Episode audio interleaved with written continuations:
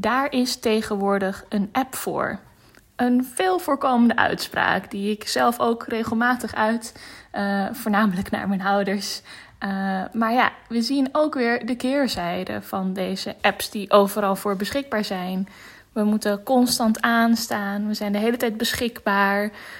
Maar het is ook, klinkt ook een beetje tegennatuurlijk. De hele zo'n apparaat in je hand, dat blauwe licht.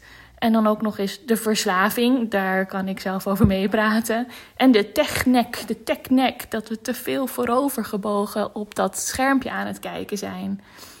Dus die apps overal, niet altijd een voordeel. Maar wie is er nou tegen gezondheid? Gezondheid is het grootste goed, een nobel streven. Dus al die gezondheidsapps die zijn booming. Iedereen is daarmee bezig. Ik zie het overal om me heen.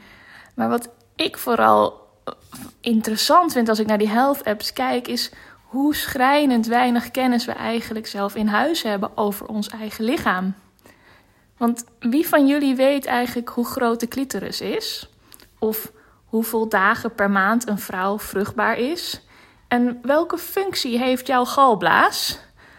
Veel van mijn vriendinnen zijn verbaasd als ik vertel dat de stopweek van de pil medisch gezien geen reden heeft. Maar niet alleen het vrouwelijk lichaam blijft mysterieus. Veel mannen weten ook niet wat er in hun ejaculaat zit of wat de oorzaak is van haarverlies met leeftijd. Daar is tegenwoordig een app voor. De wetenschappelijke wereld heeft deze kennis al lang. Die kan op al deze vragen antwoord geven. Maar de kennis blijft vaak daar hoog in de top en landt niet in de maatschappij. Terwijl veel van deze kennis de levenskwaliteit van elk individu kan verbeteren.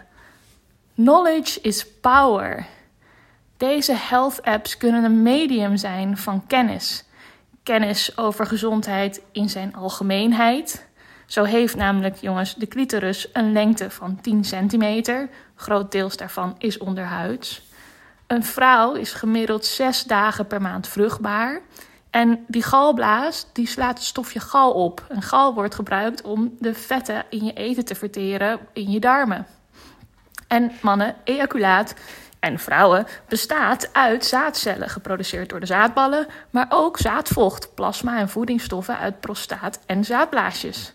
En dat uh, vervelende haarverlies, dat komt door het hormoon dihydrotestosteron, dat bepaalde haarzakjes krimpt bovenop het hoofd.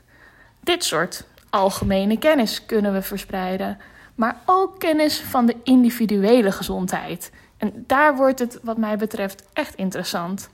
Mensen worden namelijk in de medische wereld maar al te vaak over één kam geschoren. Iedereen is hetzelfde in de medische blik. En hoewel er inderdaad veel hetzelfde is, jouw galblaas zal, net als de mijne, gal produceren, hebben we ook te maken met veel onderlinge verschillen. Wat voor mij een normale waarde van ijzer in mijn bloed is, is voor iemand anders wellicht te laag.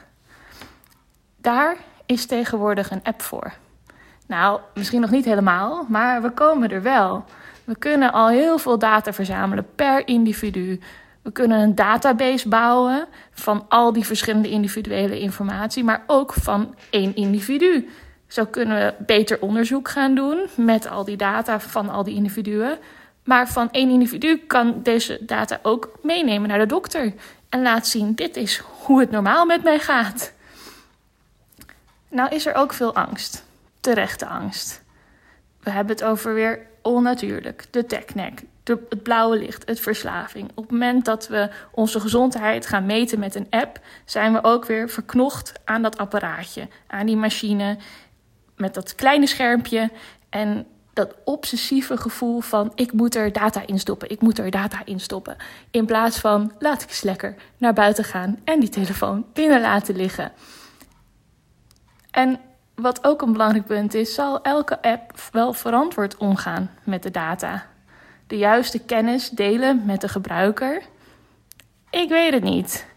Kennis is niet alleen een kracht, maar het is ook niet echt tegen te houden dan rust ons dus nog de vraag: is daar niet tegenwoordig een app voor?